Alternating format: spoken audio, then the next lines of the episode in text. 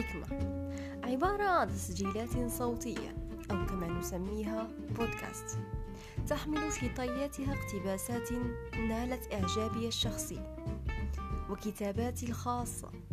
التي تحتوي الكثير من النصائح والتوصيات لعيش حياة سعيدة مليئة بالحب